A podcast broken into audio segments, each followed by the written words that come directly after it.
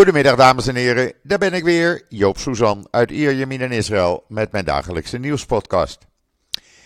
Ja, eerst even het weer. 27 graden, blauwe lucht, zonnetje, windje en daar blijft het bij. Alleen gisteravond hadden we iets heel raars. Eh, normaal zit ik s'avonds altijd eh, buiten, eh, ja gezellig, glaasje erbij, je kent het wel. En eh, gisteravond kon dat niet, want we hadden een noordwesterstorm. En ja, mijn uh, balkon is pal op het noordwesten. Dus uh, er viel echt niet buiten te zitten. Niet normaal, ik denk dat het windkracht 7 of 8 was. Het ging met de keer, maar nu, het is heerlijk voorjaarsweer in Israël. En voordat ik al het Israëlische nieuws uh, met jullie ga doorpraten, ga ik eerst even bellen met onze militaire analist Kobi Ziegler in Amstelveen. Een ogenblikje geduld, dan kom ik zo weer terug. Nou, het is weer gelukt, de techniek tegenwoordig. Het staat voor niets. Kobi, goedemorgen. Nog bij jou. Ja. Hoe is het Goeie, daar? Goedemiddag. Ja, goedemiddag. Ja, hoe is het daar?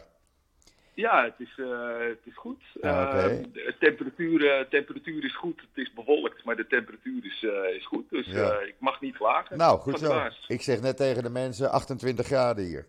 Dus eh, ik klaag helemaal niet. Ja. Ik denk dat wij het eh, rond, eh, rond de 20 graden Nou, lekker. is. Dat is ook lekker. Ja. Goed te doen. Ja. Kobi, gisteravond eh, hadden jullie eh wekelijks eh, keukentafelgesprek eh, voor iedereen op Twitter, in Twitter Space, over Oekraïne. Dat staat Ja. trouwens online. Mensen kunnen dat eh, herbeluisteren als ze even naar eh, eh, jouw Twitter-site of de Twitter-site van Frank Berkemeijer gaan. Ja, Ehm, ja. Iets heel opvallends gisteren wat ik zag. Frank stuurde een tweet uit over Slangeneiland. Dat Rusland Ja. zich daar teruggetrokken zou hebben. En dat is nogal van strategisch belang, dat hele kleine eilandje. Kan je daar Ja. iets eh, over, over eh, uitleggen?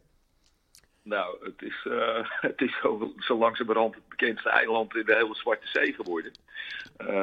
Het ligt, ehm, even kijken, ik dacht eh 70 kilometer van Odessa vandaan. Ehm, in de eerste week eh, van de oorlog hebben we, ehm, ehm, hebben we al gezien dat daar ehm, de Oekraïense militairen die daarop gelegerd waren, en dat was een handjevol.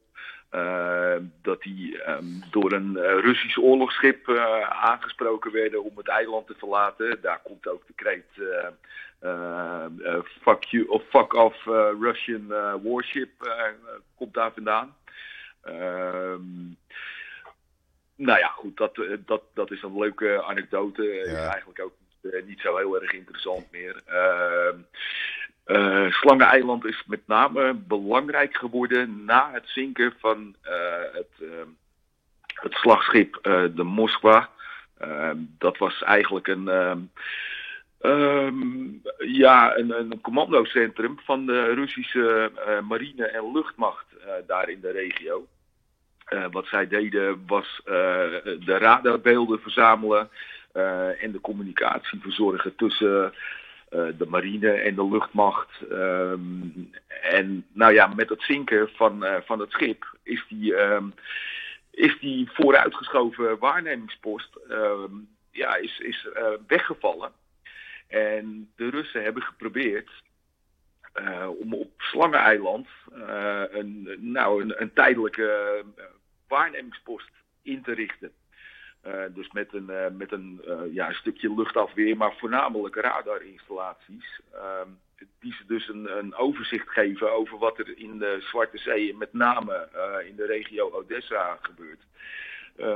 dus het is van strategisch belang om dat eiland in het bezit te krijgen.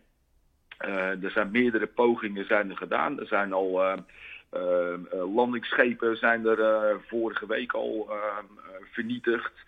Dat was ook daar. Uh, nou ja, en wat er, wat er nu gebeurd is, is tenminste, zo, zo is het vermoeden. En ik, ik ga wel in, die, in dat vermoeden mee, in die analyse. Het contact met dat, met dat eiland was verbroken na de aanval van afgelopen week. Ehm, en het vermoeden was dat daar dus nog wel militairen op aanwezig waren, maar dat er geen contact mee gekregen kon worden. En wat er toen gebeurd is, en daar, daar is het, het videofilmpje van waar jij aan refereert. Ze hebben een, uh, een, een, landingseenheid ehm, met een helikopter geprobeerd om op het eiland te plaatsen. Om te kijken in ieder geval of er nog mensen aanwezig zijn. En als die mensen aanwezig zouden zijn, om die te evacueren. Ehm, ja, en die helikopter is gesignaleerd door, ehm, door een drone. En ja, die is ehm, eh, vernietigd. Met als gevolg dat er een. ja, het was een helikopter waar, waar 20 man in, in kon. dat was op de video was het niet helemaal duidelijk te zien. Je zag daar wel een aantal mensen lopen. maar er zijn er, er, zijn er een, een tiental Russische militairen, inclusief helikopter, ja, zijn er vernietigd. Dus um, ja, dat is eigenlijk wat er gebeurd is. Dat is wel een spectaculaire actie. Uh, het is, uh, nou ja, onder andere met, uh, met die drone, die heeft de opname gemaakt. En ehm, het daadwerkelijke bombardement is met Sukhoi 27 straaljagers uit, uitgevoerd. Zo.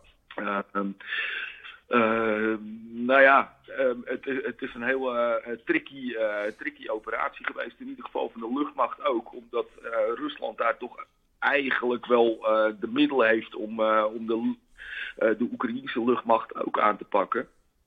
en toch hebben ze het gedaan. Dus dat, ja, het, het wijst erop dat de luchtmacht ehm, zeker nog in staat is om dit soort risicovolle operaties uit te voeren. Ja. Ehm, en en eh, B, dat je je moet afvragen in hoeverre Rusland in staat is om nou ja, zijn, het grondgebied en dan met name in de lucht te verdedigen. of een overwicht daarin te hebben. daar kan je echt vragen bij, bij stellen. Ja, maar ook het in handen krijgen van Odessa wordt dan een stuk moeilijker. Ze hebben ja, geen, ja, geen corridor, begrijp ik. Nee. Vanaf Mariupol. Wat je nodig hebt uh, voor een, uh, in ieder geval voor een amfibische landing, is echt waarneming. En dat, uh, dat had Rusland gepland op dat eiland. En nou ja, die waarneming is er niet meer. dus ja, het, het wordt heel risicovol. En ik, ik schat ook niet in dat zonder een waarnemingspost dat Rusland dat ook alsnog gaat proberen. Eh, gebleken is dat eh, de drones van, ehm, van Rusland die eh, voor Intel kunnen zorgen, van dusdanige kwaliteit zijn dat die eigenlijk helemaal niet toegericht zijn op het vergaren van, van real-time Intel. dus ja, het, het, is echt een hele gevoelige slag. In ieder geval voor de Russen ehm, ja, met het oog uh, op de verovering of uh, de inname eventueel van, uh, van Odessa. Ja, en het toont opnieuw aan dat technologisch gezien natuurlijk Rusland enorm achterloopt bij het Westen. Zo mag je dat toch wel stellen. ja, ja dat, dat is op meerdere fronten is dat gebleken. Ja. Ehm, ja, er zijn een hele hoop uh, red X'en in dit verhaal. Uh, technologisch uh, lopen ze achter. Ze kunnen zaken, eh, zo lijkt het nu ook, niet goed combineren. Dus de, de samenwerking tussen de luchtmacht, landmacht en, en de marine loopt niet goed. Ehm, ja, plus dat. Ja, Frank die had daar vanmorgen, even kijken, ja, die had een, een tweet geretweet uh, dat de Oekraïners eigenlijk ook een uh, systeem ontwikkeld hebben. Uh, ja, wat, wat eigenlijk ehm, eh, werkt zoals de pizza bezorger van Uber. Ehm, dus de, degene die het dichtst bij de, bij de oproep zit, die krijgt de bestelling. en, en zoiets hebben ze ook ja, bedacht voor het leger. Ja, ja. Dat is eigenlijk ook een beetje dezelfde manier zoals de IDF ook al uh, een langere tijd werkt. Ja. Uh, dus er zit een centrale vuurleiding en die heeft echt die heeft controle over, over de infanterie militair, over de cavalerie, artillerie, luchtmacht. Ehm, dus die, die, die informatie is veel accurater en actueler ook als, ehm, als wat de Russen hebben. En daar, ja, daar, gaat, daar gaat heel veel kracht van uit. Plus dat natuurlijk uh, Oekraïne nu uh, behoorlijk bevoorraad wordt met wapens vanuit het Westen. Dat gaat nu ook uh, een rol mee spelen natuurlijk. Ze krijgen veel preciezere wapens, grotere wapens. Ja, de, de Franse 155 mm die zijn inmiddels al um, aangekomen ja. bij de Donbass. En dat zijn um, 100, dat is 155 mm geschut uh, wat op een vrachtwagen staat. Uh, de getrokken artillerie en dan met, met name de M777, die is ook al gesignaleerd. ja, en daar zit gewoon precisiemunitie bij. plus dat de dracht van die dingen veel verder is als, als de Russische munitie. Dus ja, er gaat nu echt de komende dagen ga je zien dat de de toelevering ehm, van, van westers materiaal ehm, ja, de Oekraïne een groot voordeel op gaat leveren. Ja. Uh, je ziet nu ook al uh, dat op bepaalde uh, stukken dat Rusland noodgedwongen teruggetrokken wordt. Kharkiv is daar een voorbeeld van. Ehm, daar zijn ze bijna al de Russische grens over. In ieder geval, Kharkiv is buiten bereik van de Russische artillerie, omdat de westerse artillerie een veel groter uh, bereik heeft. Ja, ja. Uh, dat, daar zit een verschil van uh, nou, een kleine 10, 15 kilometer zitten tussen. Ehm, ja, en dat is net voldoende om de stad veilig te houden. Dus ja, je gaat de komende dagen ga je, ga je echt zien dat het, het westerse materiaal in het voordeel gaat werken van, ehm, van de Oekraïne. En ik moet zien, um, ja, hoe, de, hoe de Russen daarop gaan uh, reageren. Ja, want dat was mijn uh, volgende vraag. Wat verwachten jullie, ja. uh, Frank en jij en, en je collega-analisten, de komende dagen, weken, wat Rusland gaat doen? Zullen ze doorgaan of zal hij een, een, een of andere smoes verzinnen om te stoppen? Ja, ja dat, is, dat is moeilijk te zeggen, Joop. Ehm, in ieder geval in het noorden van de Donbass, ehm, dus ten oosten van Kharkiv, uh, nou ja, daar gaan ze de grens over. Uh, mijn vermoeden is uh, dat de Oekraïne, als, als die terugtrekking doorgaat, dat ze door zullen gaan en proberen om de aanvoerlijnen naar het zuiden van de Donbass af te sluiten. En mogelijk zelfs de aanvoerlijnen die achter de Donbass langs door Rusland lopen, om die grote schade toe te brengen. Ja, als dat eenmaal gebeurd is, Um, dan heb je dus een leger uh, wat wel aanwezig is, maar geen, geen aanvoer heeft. Uh, geen munitie, geen brandstof, geen, uh, geen voedsel, geen reserveonderdelen. en dan houdt uiteindelijk ehm, ja, houdt het bestaan van zo'n leger op. Ja. Ehm, dat is een beetje het scenario wat ik voor ogen heb. dat gaat, het gaat niet van stel op sprong en het zal zeker nog nog heel veel moeite kosten om het zover te krijgen. Uh, maar ik denk uiteindelijk dat dat ja, het scenario is wat, wat de Oekraïne voor ogen heeft. Ehm, ja, en, en, en, een tijdsbestek kan je daar moeilijk aan verbinden. Ja. Ehm, en wat de, wat de Russen gaan doen, ja, ze zullen er alles aan doen om, om nog ergens stand te houden. Poetin die zal iets moeten kunnen verkopen thuis.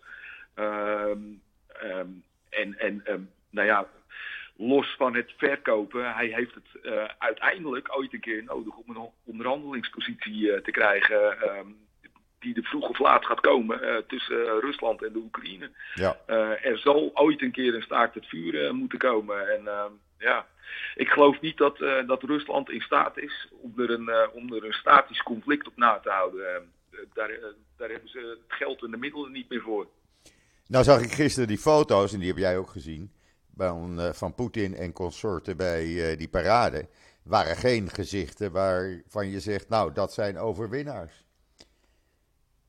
Zo, nee, zoals ze keken. Nee, nee maar kijk, dat is natuurlijk, het is interpretatie, ja, geen blije gezichten. Ik weet, ja. weet nou of, of of je normaal gesproken hierbij, kijk het gaat om een herdenking natuurlijk, of je daarbij blije gezichten ziet. wat opviel was wel dat de commandanten strijdkrachten, waar al een, een, week lang het gerucht over gaat, uh, dat hij uh, of gewond geraakt is of gedood is, uh, dat hij schitterde door afwezigheid. Die was er niet. Ja. Ehm, en meneer Lavrov, die was er ook niet na nee. de uitspraak over de Joodse... over de nazi's. Jo Joodse nazi's, ja. Ja, ja. ja, dat was wel opvallend. Dat was wel opvallend, moet die ik zeggen. Die was er ook niet. Nee. En, een, en een ander ding was dat er ook geen luchtmacht aanwezig was. Ehm, en daar werd als oorzaak van gegeven dat de weersomstandigheden op dat moment boven Moskou uh, nou, het niet verantwoord, of uh, dat het niet verantwoord was uh, om te vliegen. Ehm, ja, er, er, waren een aantal deskundigen op het gebied van meteorologie die zeiden van nou, op het moment dat die, die flyover gepland was, was het wel degelijk mogelijk om, om daar informatie overheen te, te vliegen. Uh, ja, kennelijk is dat niet gedaan. En waarom het niet gedaan is, ja, uh, misschien toch bang dat er iets gebeurt. Of uh, een andere optie is dat er al zoveel roofbouw gepleegd is op de luchtmacht. dat ze eigenlijk al geen eens in staat zijn om een, om een fatsoenlijke flyover te organiseren. Ook dat is een mogelijkheid. Ik hoop dat dat ja. ja. Ja, ja. ja, ze, zijn, ze zijn echt Ehm, al het reservemateriaal en alles wat, wat ook maar enigszins ehm, in staat was om, eh, om een strijd aan te gaan, eh, ja, dat zijn ze aan het verbruiken. Ja. Eh, dus het zou zo kunnen. Maar goed, ja, ja. ja, op zich was het wel een, een interessante parade. veel ja, ja. dan anders. En ehm, ja, je, je kan daar allerlei filosofieën op loslaten. maar normaal was die niet in ieder geval. Nee. Nou ja, het ziet er dus naar uit dat uh, we de komende weken nog van jouw uh, diensten gebruik uh, gaan maken. En dat jij ja. samen met Frank nog wekelijks die Twitter Space keukentafel op gaat zetten. Ja, ik, nog even over die Twitter Space. We moeten even gaan kijken omdat de, de veranderingen, de wijzigingen en ja, de grote gebeurtenissen uh, uh, op de grond, dat die wat afnemen. Ja. dus het kan zijn dat de volgende Twitter Space dat het eigenlijk een, een situatierapport gaat worden. En ja, we niet zozeer diep ingaan op de materie. Maar dat moeten we, we moeten even kijken. Hangt van, van de actualiteit af.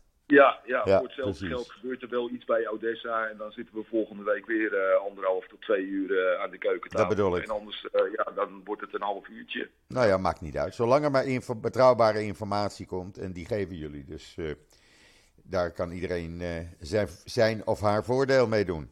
Nogmaals, het is terug te luisteren op jouw Twitter-account. Unclex. U-N-C-L-E-X. En Frank Berkemeijer. Daar uh, is hij terug te vinden van gisteravond. Oké, okay, Kobi. Ja. Weer hartstikke bedankt voor je uitleg. Het is weer duidelijk. En uh, we spreken elkaar snel weer. Hartstikke goed. Oké, okay, bedankt. Dag. Tot ziens. Dag. Dag. Ja, dat was uh, even een uh, behoorlijke lange, maar wel hele duidelijke uitleg van Kobi. Uh, ik ben daar toch altijd blij mee uh, dat hij dat zo duidelijk uh, aan ons allemaal kan uitleggen over wat er in Oekraïne zich afspeelt. En dan gaan we even over naar het Israëlische nieuws. Nou, laten we beginnen met COVID. 1443 nieuwe COVID-besmettingen gisteren. Dat wordt steeds minder. Percentage zat net onder de 4% van het aantal positief getesten. Er waren ruim 60.000 mensen getest. Uh, er liggen nog 112 mensen ernstig ziek in de ziekenhuizen, waarvan 45 kritiek. En er is voor de tweede dag op rij niemand aan COVID overleden.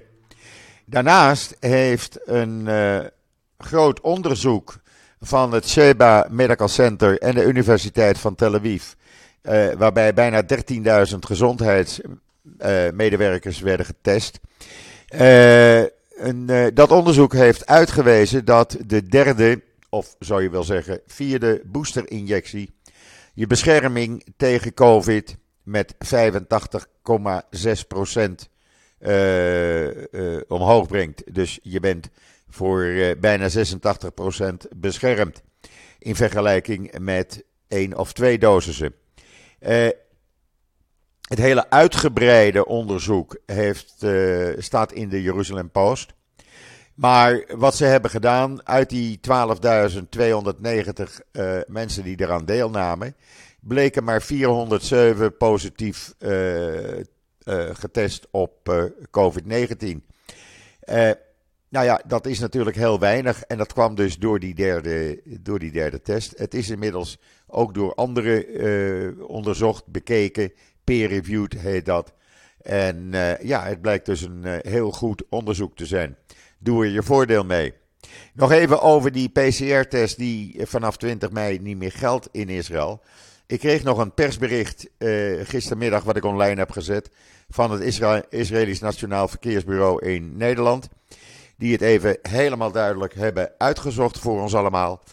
Uh, je hoeft geen PCR-test bij aankomst meer te doen, maar je moet wel voor vertrek, en dat kan al vanaf vandaag, geldt dat al, een uh, antigenetest doen. Uh, 24 uur voordat je vertrekt. Nou, die keer kan je gewoon thuis doen. En uh, dat is al wat je moet doen. Het hele verhaal op israelnieuws.nl. Dan hebben ze afgelopen nacht de IDF en de Binnenlandse Veiligheidsdiensten weer een aantal uh, terreurverdachten opgepakt. Ja, ze, gooien, ze gaan er goed tegenaan nu. Uh, er zijn uh, mensen opgepakt. Verdacht bij de betrokkenheid bij die terreuractiviteiten in Kalkilia en in de steden Kwafin en Atil niet zo lang geleden. Daar werden de zes werden in totaal opgepakt. En dan de Lufthansa is negatief in het nieuws. Die hebben een hele groep Joodse orthodoxe passagiers uit Amerika die onderweg waren naar uh, Budapest die uh, hebben ze bij uh, overstappen in Frankfurt vanuit New York uh, collectief gestraft omdat een paar van hen weigerden een masker te dragen in het vliegtuig onderweg van New York naar Frankfurt. Die hele groep is gestraft, mochten niet op vluchten richting Budapest. Alleen de mensen die dus orthodox Joods eruit zagen, want mensen die bij die groep hoorden en die een zwart t-shirt aan hadden, konden wel op een vlucht naar Budapest. Uh, er was een uh, video van gemaakt, die is inmiddels door YouTube verwijderd. Onder het mom van dat het ja, racistisch zou zijn. Nou, de video kunt u zien op israelnieuws.nl, waar ook het hele artikel staat. En daar hoor je wel duidelijk uh, antisemitische geluiden van de dame die zegt: jullie mogen allemaal niet meer mee. Zo gaat dat bij de Lufthansa. En dan een verklaring van premier Bennett, omdat er nogal wat onduidelijkheid is en allerlei verhalen de geruchten doen over de Tempelberg. Er is geen uitbreiding van het aantal WAKF. Uh, uh, medewerkers op de Tempelberg, ondanks dat Jordanië dat gevraagd had. Er zijn uh, een zestal door Hamas gesteunde wakfbewakers, die zijn verwijderd van de Tempelberg. En er zijn er twaalf nieuwe gekomen. Alle beslissingen, zegt Bennett, zullen door de Israëlische regering worden genomen uit overwegingen van soevereiniteit, vrijheid van godsdienst en veiligheid zonder druk of invloed van buitenlandse of politieke factoren. Hoe duidelijk wil je het hebben? En dan een nieuwe neusspray uit Israël. Die levert psychedelische medicijnen voor mensen met PTSS. Uh, je kan ook informatie opvragen bij dat bedrijf. Het hele verhaal kan je lezen op Israël Nieuws. Waar je ook kan lezen dat tien wiskundige genieën uit Oekraïne in Israël nu gaan studeren dankzij uh, de medewerking en uh, inzet van de Bar Ilan Universiteit. Hoe ze dat hebben gedaan, het staat op israelnieuws.nl. Ze hebben er nogal wat voor moeten doen, de Bar Ilan uh, Universiteit en een aantal medewerkers. Maar in ieder geval, Deze tien uh, ja, genieën, die kunnen gelukkig hun studie in Israël voortzetten. Het zijn jongelui, 15, 16 jaar. En dat is, ja, is gewoon fantastisch dat dat kan. En dan Paratrek, ook dat is te lezen op Israël Nieuws, is een rolstoel voor wandelaars. Dan zult u zeggen, een rolstoel voor wandelaars. Het zijn dus mensen die verslaafd zijn aan wandelen, maar invalide zijn geraakt. Of door uh, verwondingen in uh, het leger, of om andere redenen.